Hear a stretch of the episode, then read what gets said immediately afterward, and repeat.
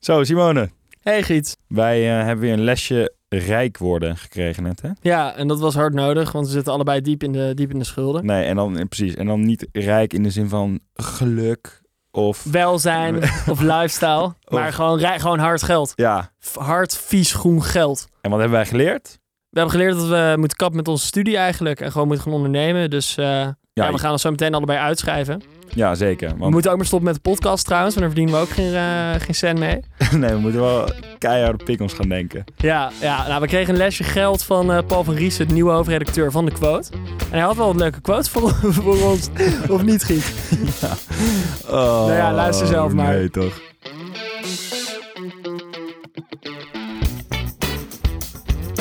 Ja, Giet en ik die hadden het eh, twee weken geleden een beetje over dat we dicht bij het afstuderen zijn.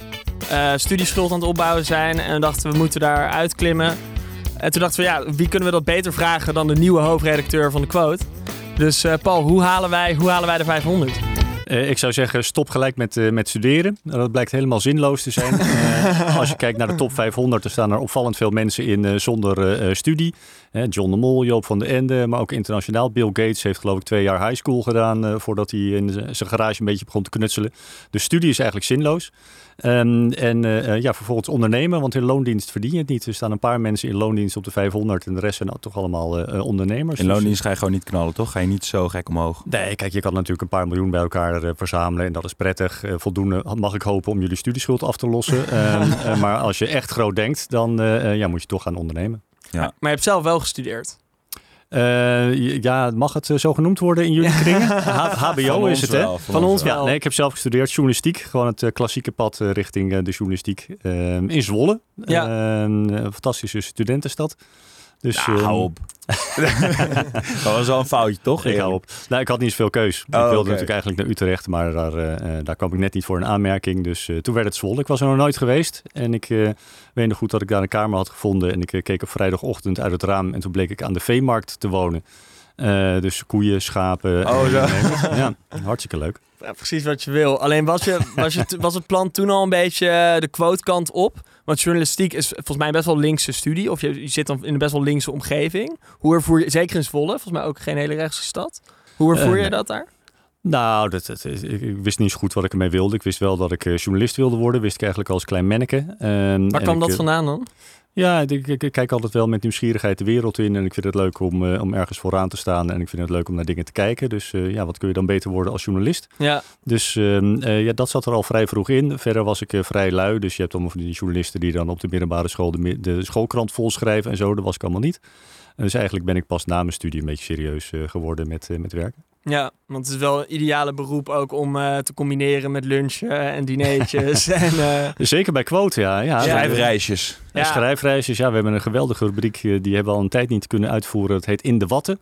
Eh, waarin we beschrijven hoe bedrijven, hoeveel moeite die doen om eh, eh, journalisten, bij journalisten in het gevlei te komen. Door ze gewoon helemaal in de watten te leggen.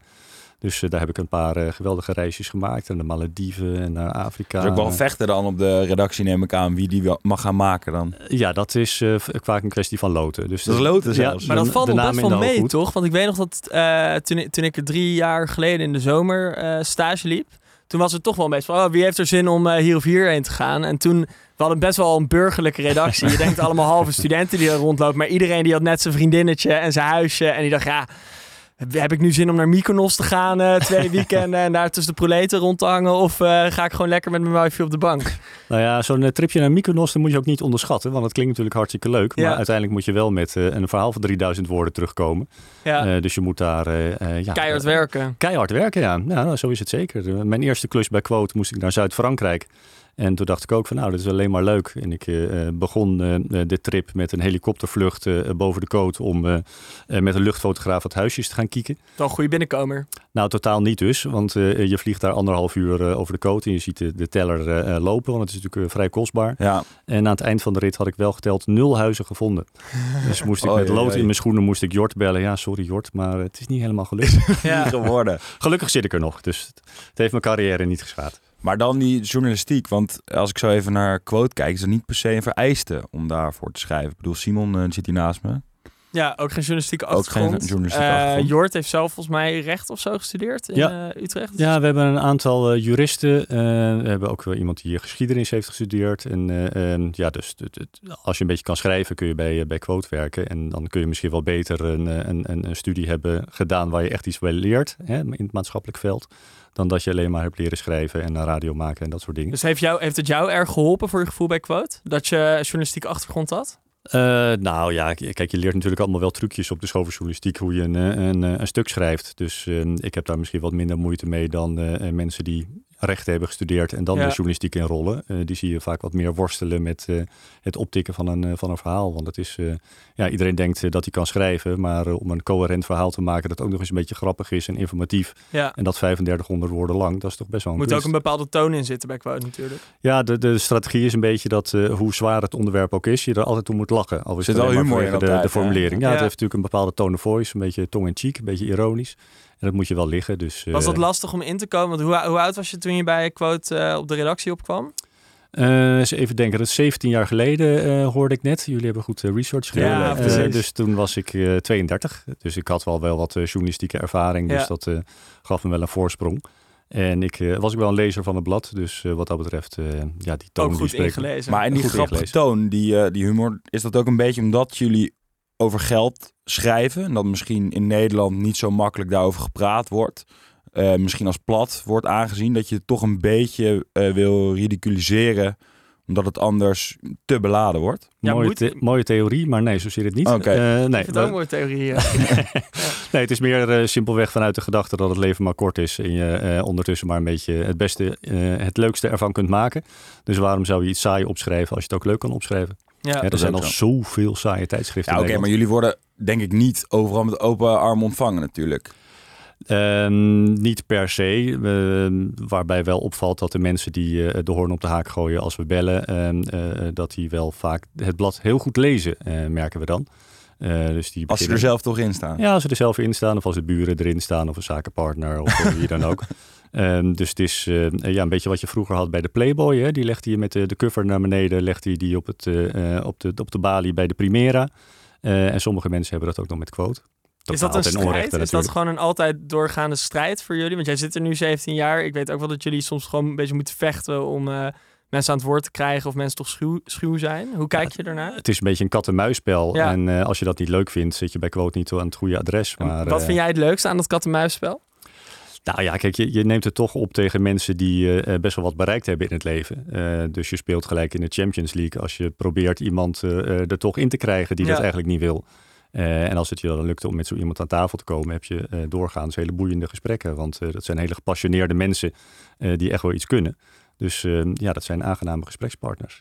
Ja. Maar ja, aan de andere kant is het ook dat je gewoon voor de rechter wordt gesleept als ze het ergens niet mee eens zijn, toch? Of de dreigementen in ieder geval. Ja, eh, ja ook dat is, eh, afgezien van de advocatenbonnetjes dan, is eigenlijk heel erg leuk. Ja? Eh, Want hoe gaat het dan? Nou ja, ik ga altijd met plezier naar de, naar de rechtszaal toe. Het is toch wel een beetje eh, gratis theater normaal gesproken. Eh, in dit geval natuurlijk niet, als we zelf gedaagd zijn. ja. Maar ehm, ja, dat zijn natuurlijk toch spannende spelletjes. En eh, eh, ja, als wij iets publiceren, staan we er echt volledig achter. Eh, en hebben we ook een eh, goed betoog waarom het eh, belangrijk is om dat te publiceren. Dus ja, dat betekent dat we die strijd vol aan kunnen gaan. En ja, dat met passie kunnen voeren. Want in je- hoeverre van tevoren denk je daar dan over na? Zeg maar van, het is altijd wel een beetje journalistiek gezien, moet je echt zeker van het verhaal zijn om het te publiceren dus. Ja, absoluut. Ja. Ja. Nou ja, we, we hebben in het verleden hebben we daar wel een beetje mee gespeeld. Dus we hadden op een gegeven moment een rubriekje ehm, eh, waarin we vertelden wat de geruchten waren die over mensen de ronde gingen. Een roddelrubriekje. een roddelrubriekje, maar ook wel op feiten gebaseerd. Ja. Hè? Van dit is, het feit is dat dit verhaal over jou gaat. Eh, en dat hoeft dan niet te betekenen dat het verhaal eh, eh, klopt. Daar hebben we wel een aantal procedures eh, over gevoerd en eh, ook nog wel een vrij pijnlijke verloren. Ja, er was één. eh, wie, over wie ging dat ook weer? Wendy van Dijk. Wendy van Dijk, Ah, ja. inderdaad. Ja, die Jij dacht is Katja, hè? toen flink, ja, ik dacht Katja Schuurman, inderdaad. Tevoren- ik kon er niet opkomen. Het was ook nergens op Google meer te vinden. Ja, dat is het ook een Dat hebben beetje, hè? Goed Dat gedaan. hebben jullie goed maar meestal winnen jullie die rechtszaken gewoon, toch? Eh, ik denk dat wij eh 95% van de rechtszaken winnen. En hoe komt het dan dat zij jullie toch onderschatten daarin? Dat ze denken, we gooien er wat geld tegenaan en eh, ze rectificeren het? Nou ja, kijk, mensen eh, tegen wie wij het opnemen, die hebben eh, over het algemeen geen gebrek aan geld. Ja. Dus die denken van ja, maakt ons het uit als we hier 20, 30.000 euro tegenaan gooien. Wie weet winnen we. Ja. Ehm, en eh, eh, ja, wat zij natuurlijk ook proberen is eh, ehm, om een soort van preventieve censuur eh, op de redactie te krijgen. Dat ze denken van ja, dit, dit levert zoveel gezeik op. Dat jullie afgeschrokken worden. Ja, precies. Misschien dat ze volgende keer wel eh, twee keer nadenken voordat ze eh, weer een verhaal over mij maken. Maar jullie vinden het eigenlijk alleen maar mooi. Als je jou hoort praten en dan zeg je van, nou, gratis theater, ja, advocatenbonnetjes. Nou ja, stimuleert alleen maar. Kijk, die rekeningen zijn natuurlijk heel vervelend. Ja. Eh, hè, dat, dat gaat natuurlijk toch ten koste van je winst uiteindelijk. Dus dat is jammer. Ehm, maar goed, zolang ik het niet zelf hoef te betalen. In alle eerlijkheid, ja, vind ik rechtszittingen vind ik een van de leukste dingen. Dus mocht ik ooit nog eens eh, bij quota uit worden getrapt, Ja. dan zou ik heel graag eh, een rechtbankverslaggever worden. Ja, ik vind dat altijd geweldig. Ja, Maar en zegt dan de uitgever wel eens van, jongens, doe nou eens even wat rustiger aan, want we moeten weer eh, die juristen inhuren. Nou, nee, de uitgever weet dat wij nooit eh, eh, lichtzinnig overgaan tot publicatie. Ja. Eh, en zodra een verhaal binnenkomt in ruwe versie, is dat natuurlijk ook de bril die ik opzet als ik dat verhaal lees. Van, hè, zitten er juridische gevaren in? En als dat het geval is, dan eh, eh, ja, ga ik in gesprek met de journalist van eh, eh, laat eens even kijken of je dit allemaal wel echt goed hebt onderbouwd. Ja. Ehm, en als dat zo is, ja, dan moet je je niet laten afschrikken door eventuele rechtszaken, want ja, that's part of the game. Ja, maar even terug naar jouw hoofdredacteurschap. Ehm, je bent er binnengekomen, je hebt je eerste verhaal verneukt dus in, eh, in Frankrijk. hoe, hoe ben je hoofdredacteur geworden daar? Want ik denk dat van, van de buitenkant denk ik dat veel mensen geloven dat quote wel een beetje elleboog en mannetjescultuur is, een beetje een apenros. Hoeveel hoe, vrouwen hoe werken jij dat? Misschien. Hoeveel vrouwen werken er nu? Eh, er werken nu eh, twee vrouwen. Twee vrouwen. Van de? Van de, nou wat zal het zijn? Eh, eh, nou ja, je kan het ook wat breder rekenen. Nee, er werken wel meer vrouwen trouwens. Ik denk dat eh, uiteindelijk met een stuk of zes vrouwen in een team van een mannetje of twintig. Als Ja. je marketing en sales. Maar hoeveel redacteuren zijn vrouwen? Eén. Eén. Ja. oké. van de, wat is het, tien geloof ik. Ja, oké. Maar terug naar de vraag. Hoe heb jij het idee dat je ervoor hebt geknokt de afgelopen jaren? Of is het een beetje vanzelf gegaan? Nou ja, het is in elk geval een heel langdurig proces geweest. Want ik ben 17 jaar 17 geleden- jaar, ja. Zeven jaar, ja. God, voor mij zijn net 17. het was geen eh, makkelijke rit in die zin.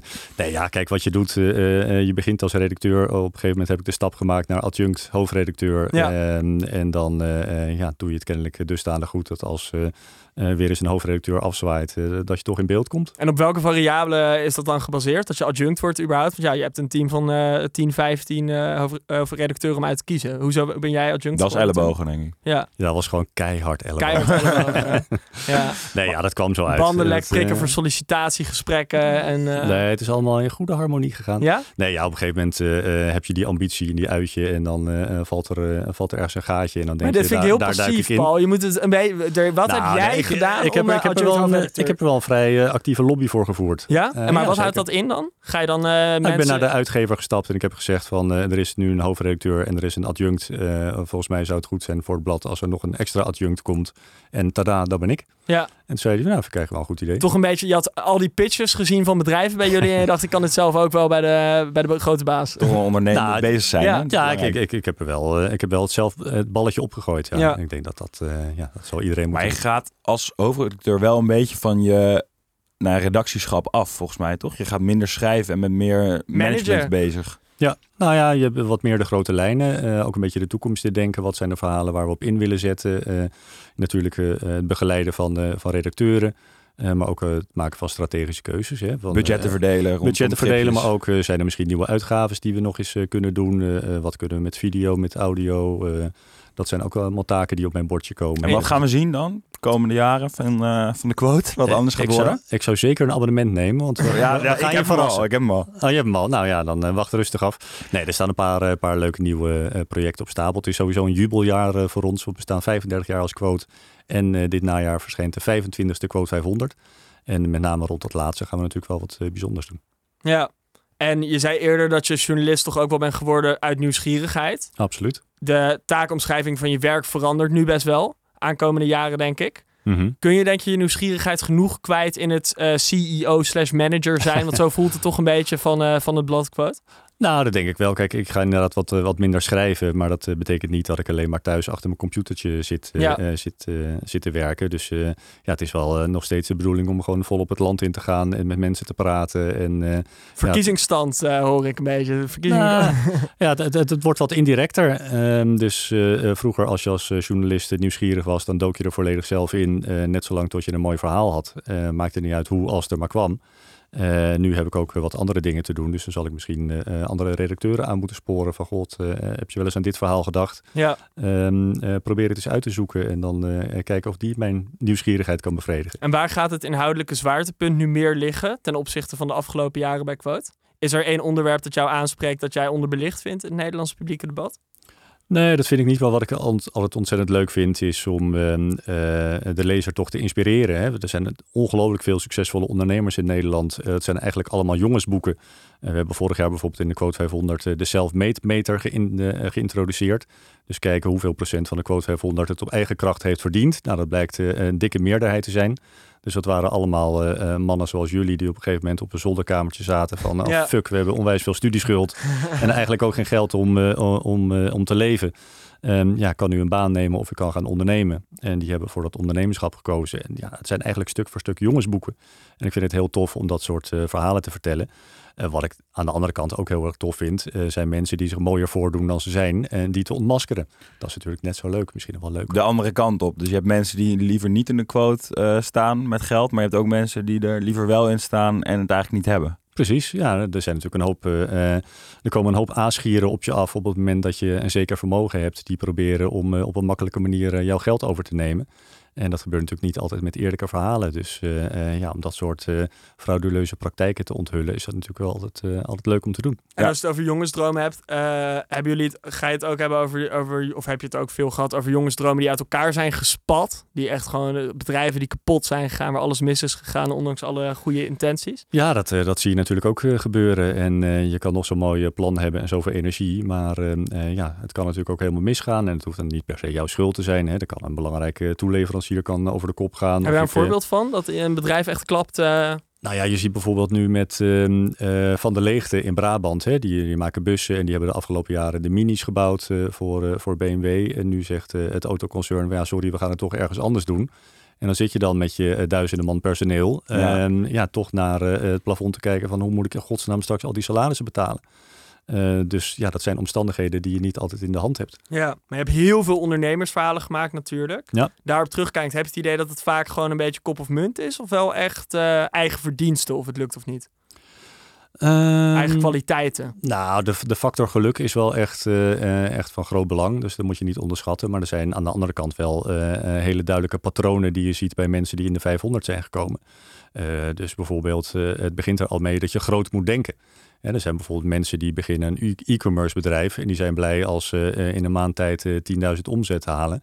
En dan zie je, je hebt een groep mensen die zeggen van ja, 10.000 omzet is een leuk begin. We gaan naar het miljoen en daarna gaan we naar de 10 miljoen en de 100 en het miljard. Uh, mensen die nooit tevreden zijn, ook al hoeven ze voor het geld al lang niet meer te werken, maar die gewoon het spel dusdanig gaaf vinden dat ze blijven knallen. Ja. dat zijn natuurlijk fantastische verhalen. Ja, want die heb je er ook wel tussen zitten, die daar echt helemaal niks om geven. Ik heb volgens mij Harry Maas, hoe heet hij, uh, uit Limburg een keer uh, geïnterviewd. En die, um, ja, die stond met 80 miljoen of zo op de quote 500. En die, die ging gewoon om zes uur op. En dan ging die met zijn werknemers koffie drinken. En dan gingen ze weer lekker op hun, ja, wat was het, trucks of zo. Gingen ze, gingen ze aan de slag de hele dag. Ging nooit op vakantie, weet je. Dan heel af en toe een, een adempauze. Ja. Dat heb je in die 500 ook wel veel. Hè? Ondernemers die dus niet echt het, het uh, beetje Wolf of Wall Street-achtig idee dat sommige mensen van de buitenkant vandaan hebben. Heel veel bling-bling. Maar ook gewoon hardwerkende Hollanders die uh, graag met de poot in de modder staan. Nou ja, zeker. Uh, als je zo'n bedrijf vanaf nul punt opbouwt en je krijgt er steeds een werknemertje bij, dan, ja, dan ontstaat toch een beetje de sfeer van een familiebedrijf. Hè? Dan wordt het personeel jouw familie. Wat je aan de andere kant ook vaak ziet, is dat ondernemers eigenlijk hun bedrijf worden. Dus het is ja. hun identiteit is het bedrijf. Uh, en dan komt er een andere partij langs die zegt van nou ik wil het graag kopen. En dan krijgen ze een enorme zak geld. En dan zie je dat ze eigenlijk toch in, de, in een zwart gat vallen. Want ja, waar ze de, de afgelopen 20, 30 jaar voor gewerkt hebben, is er opeens niet meer. Uh, ja, ze hebben eigenlijk niet zo goed uh, een idee waarvoor ze nog uit bed uh, hoeven te komen. Opeens zitten ze dagenlang met een vrouw opgescheept. Die blijkt dan misschien toch net iets minder leuk dan ze, dan ze ooit dachten. Kinderen hebben ze nooit gezien. Kinderen hebben ze nooit gezien. Dat blijkt ook eigenlijk vervelende zeuren. Blijken er vier te zijn in plaats van twee.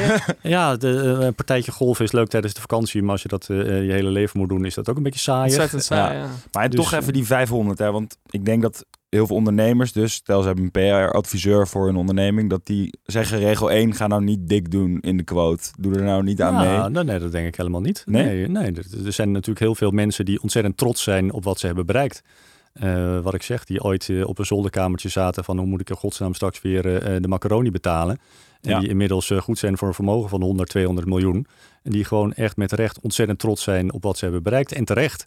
Ehm, en die het ook helemaal niet vervelend vinden om die eh, trots te etaleren. En misschien ook wel om anderen te inspireren dat voorbeeld te volgen. En zij dat Maar- ook tegen mensen zeggen die het minder leuk vinden? Zo, "Je Neem het niet zo serieus, joh. Eh, Nou, kijk, we moeten natuurlijk elk jaar eh, bellen we al die lui uit 500 op. Eh, en er zitten dan ook nieuwkomers bij. En als ik dan zo'n nieuwkomer moet bellen, is eh, de vaste openingszin. Nou, gefeliciteerd. Eh, u heeft het gehaald. Ehm, hè, dus je benadert het heel positief. En dan hoor je ze aan de andere kant een beetje stamelen. En dan merk je dat er spanning zit. Aan de ene kant vinden ze het echt onwijs gaaf dat ze het hebben bereikt. Want ja, uiteindelijk begint iedereen met ondernemen om geld te verdienen. Eh, en aan de andere kant, eh, eh, ja, Toch een beetje eng. hoor je ze denken, ja, wat vinden de buren daarvan? Kijk, Ja. er zitten natuurlijk ook wel wat nadelen aan een positie in de 500. Maar is jullie ga, ga jij maar de tuinman vertellen dat hij geen opslag kan krijgen? Eh, terwijl die in de supermarkt Ja, eh, door de is 500 dat aan wel. bladeren is en ziet dat je, dat je goed bent voor 300 miljoen. Maar is jullie eh, baan in dat opzicht ook, ook niet eh, lastiger dan dat van jullie Amerikaanse collega's van Forbes bijvoorbeeld? Kijk, daar heb je gewoon een cultuur van als Ja. je zelf made bent, wees er trots op, laat het zien. In Nederland heb je toch een beetje kop boven het maaiveld, is eng en eh, moet eraf. Eh Nou daar ja, het- toch wrijving. Ik, ik heb het idee dat we daar wel echt eh, met quote een belangrijke rol spelen in de emancipatie van de rijken. De emancipatie van de rijk. Zo, Kijk, daar Eh, komen de hoor. uit. Nou ja, de, dat, eh, eh, hè, we, we hebben natuurlijk een, een Calvinistische inslag in Nederland. En eh, ik denk dat wij met onze speelse manier van benaderen ervoor hebben gezorgd dat mensen ook gewoon eh, wat openlijker trots zijn op de successen die ze, die ze bereiken. En terecht. Eh, hè, doe, het je, doe het er maar na, 100 miljoen, 200 miljoen. Eh, dus waarom zou je daarvoor moeten schamen? Dat is natuurlijk heel erg raar. Eh, Ja. En je merkt dat dat bij eh, heel veel vermogenden ehm, ook steeds meer eh, eh, gehoor vindt. En dan merk je bijvoorbeeld dat, dat mensen met een tweede generatie, die vinden dat allemaal wat ingewikkelder. Hè? Die hebben er natuurlijk geen zak voor hoeven doen. Die, Ja, precies. Dat is een beetje misschien het verschil tussen self-made en het Precies. familiekapitaal wat gewoon Ja. keurig belegd is. Ja, dus daar krijg je dan vaak wat andere reacties. Dus als wij Charlene Heineken bellen eh, en eh, zeggen van nou gefeliciteerd, je bent weer, Weer. je bent weer een één. miljard Ja, ja, ja, rijker. Ja, dan, dan heeft zij daar niet zo gek veel mee. Want eh, eh, ja, haar bijdrage is geweest dat ze eh, s ochtends een, een lekker ontbijt heeft verzorgd, bij wijze van Ja. spreken. En zijn je handen zelf wel eens geen jeuken om gewoon te gaan ondernemen? Als je dan voor de zoveelste keer zo'n schitterend verhaal pakt en dacht van oké, waarom eh, kan dit zelf ook wel?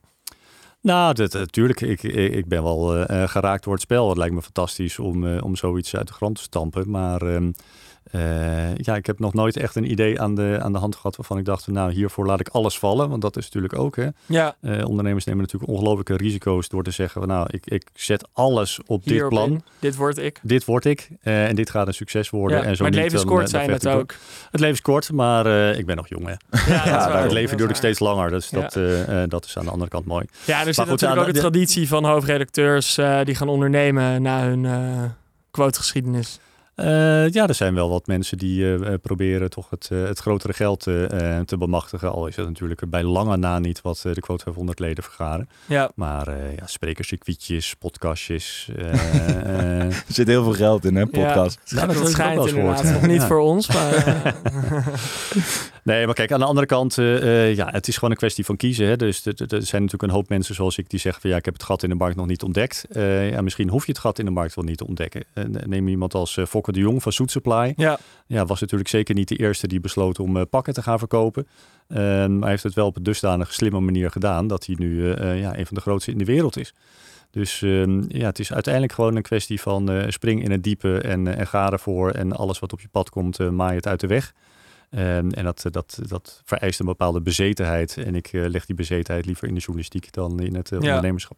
En je hebt natuurlijk ehm, hoge opportunity costs. Want eh, bij de redactie eh, van quote zitten, is ook wel gewoon lekker nog een beetje student blijven. en eh zakje chips opentrekken om vijf uur 's middags, biertje erbij. En, is eh, het. echt een honk is het. Ja, het is, het is, echt, een, het is echt een honk. En eh, ja, kijk, het, het- het- het- als je wil gaan ondernemen, kun je het maar beter een beetje vroeg doen. Dus, eh, Dus wij zijn al bijna te laat eigenlijk. voor alle jonge luisteraars, doe het. Ja, Ehm, jullie zijn dan bijna te laat. Nou, jullie, Nou. Het, kan, nog- het kan nog net bij jullie. ja. Ja. ja. wat zouden we, waarmee zouden we nu moeten komen in deze coronatijd? Ja, maar er wordt wel, wacht, dat wordt wel vaak gewoon heel vaak gezegd. Als ik met vrienden over ondernemen heb, weet je, lijkt me best leuk, best vet. Maar dat bijna iedereen altijd zegt, ja, maar eerst even een paar jaar zo. En dan denk ik van, ja, maar dan staat er daarna weer een grotere zak geld met wat lekkere voorwaarden en een Tesla eh, voor je klaar. Misschien, weet je. Ja, mensen laten zich handcuffs. natuurlijk, eh, ja, de- precies, eh, de gouden kooi waar je heel snel instapt. Dus wat dat betreft kan je maar het beste eh, dus stoppen met je studie en gelijk ondernemen. eh, dat je nog niks gewend bent. Kijk, als je, eh, als, je, als je elke avond toch al niks anders eet dan macaroni. En dan kun je dat nog wel eventjes volhouden. Ja. Als je eenmaal de sushi bent gewend, is het lastig om weer terug te schakelen. Zeker. Eh, dus eh, ja, hoe sneller je ermee kan beginnen, hoe, eh, hoe beter het is. En Zijn we daar te risico-avers in als jonge Nederlanders? Dat we denken van oh, eerst een paar jaartjes eh, bij dit of dat kantoor. Dan heb ik dat alvast op mijn cv staan. En dan heb ik wat centen en een breder netwerk. Nou, en dan uiteindelijk blijven hangen. Ik denk dat dat, eh, dat dat heel erg veranderd is. Eh, dat als je twintig jaar geleden keek naar eh, eh, de voorkeuren op de universiteit, dat veel mensen toch dachten, nou, eh, ABN, Unilever, Philips, dat zou Ja. toch geweldig zijn als ik daar binnenkom. En als je nu een eh, enquête zou houden, dan hoor je dat heel veel eh, studenten toch een start-up willen beginnen. Of gewoon dus een bedrijf willen beginnen. Eh, dus in die zin gaan we al veel meer naar dat eh, Amerikaanse model toe. Eh, en dat is natuurlijk ge- geweldig, want ja, eh, de economie vaart natuurlijk wel bij goede ondernemers. En daar in het falen wordt misschien ook anders gewaardeerd Zeker. tegenwoordig. Ja, ja nou dat absoluut. Eh, hè, vroeger was, je, was, je echt, eh, was het game over op het moment dat je failliet was. En nu eh, is daar veel meer begrip voor. En eh, het is nog net niet zo dat het een, een, een, voordeel is, zoals in Amerika wel eens eh, schertsend wordt gezegd. Valt daar ook wel mee trouwens, maar goed. Hoezo is het een voordeel? Daar? Nou, de- de- daar wordt gezegd, eh, eh, als je failliet bent gegaan, dan weet je welke valkuil je onderweg tegenkomt. En die, eh, je zal wel oppassen de tweede keer om daar weer in te Het is een trappen. beetje als met schaatsen. Dat je één keer in een eh wak Ja, bent ge- leergeld. Ja, precies. Dus eh, ja, je kan maar het beste zo, zo vroeg mogelijk op je plaat gaan, alle fouten maken. En eh, om te voorkomen Je kan beter wat geld kwijt zijn aan een faillissement dan aan een studieschuld eigenlijk. Dat is eh, de ze Amerikaanse principe. Ja. en wat gaan jullie met Quote doen om aankomende jaren te zorgen dat die ontwikkeling nog verder eh voortgestuwd wordt? Nou ja, wij zullen natuurlijk jong ondernemerschap blijven roemen. Eh, dat doen we altijd. En we vinden het super cool om te zien als, eh, als ondernemers hun ballen op het blok leggen en eh, er vol voor gaan. En, eh, en ja, wat, wat dat betreft zijn we, eh, zijn we ook wel een jubelblad. Hè, los van de, eh, de bijterige kant die we ook zeker hebben en zeker zullen handhaven. Maar eh, eh, ja, als wij meer eh, eh, jongeren richting dat ondernemerschap eh, eh, kunnen stimuleren, dan doen we dat heel erg graag. Nou, Onze Ik- luisteraars die, eh, Ja, zijn ik- wel geïnspireerd. ik weet wat ons te doen staat eh, wat Ja. dat betreft. Ja, ik vond het mooi, Paul. Dankjewel. Graag gedaan. Dankjewel, Paul.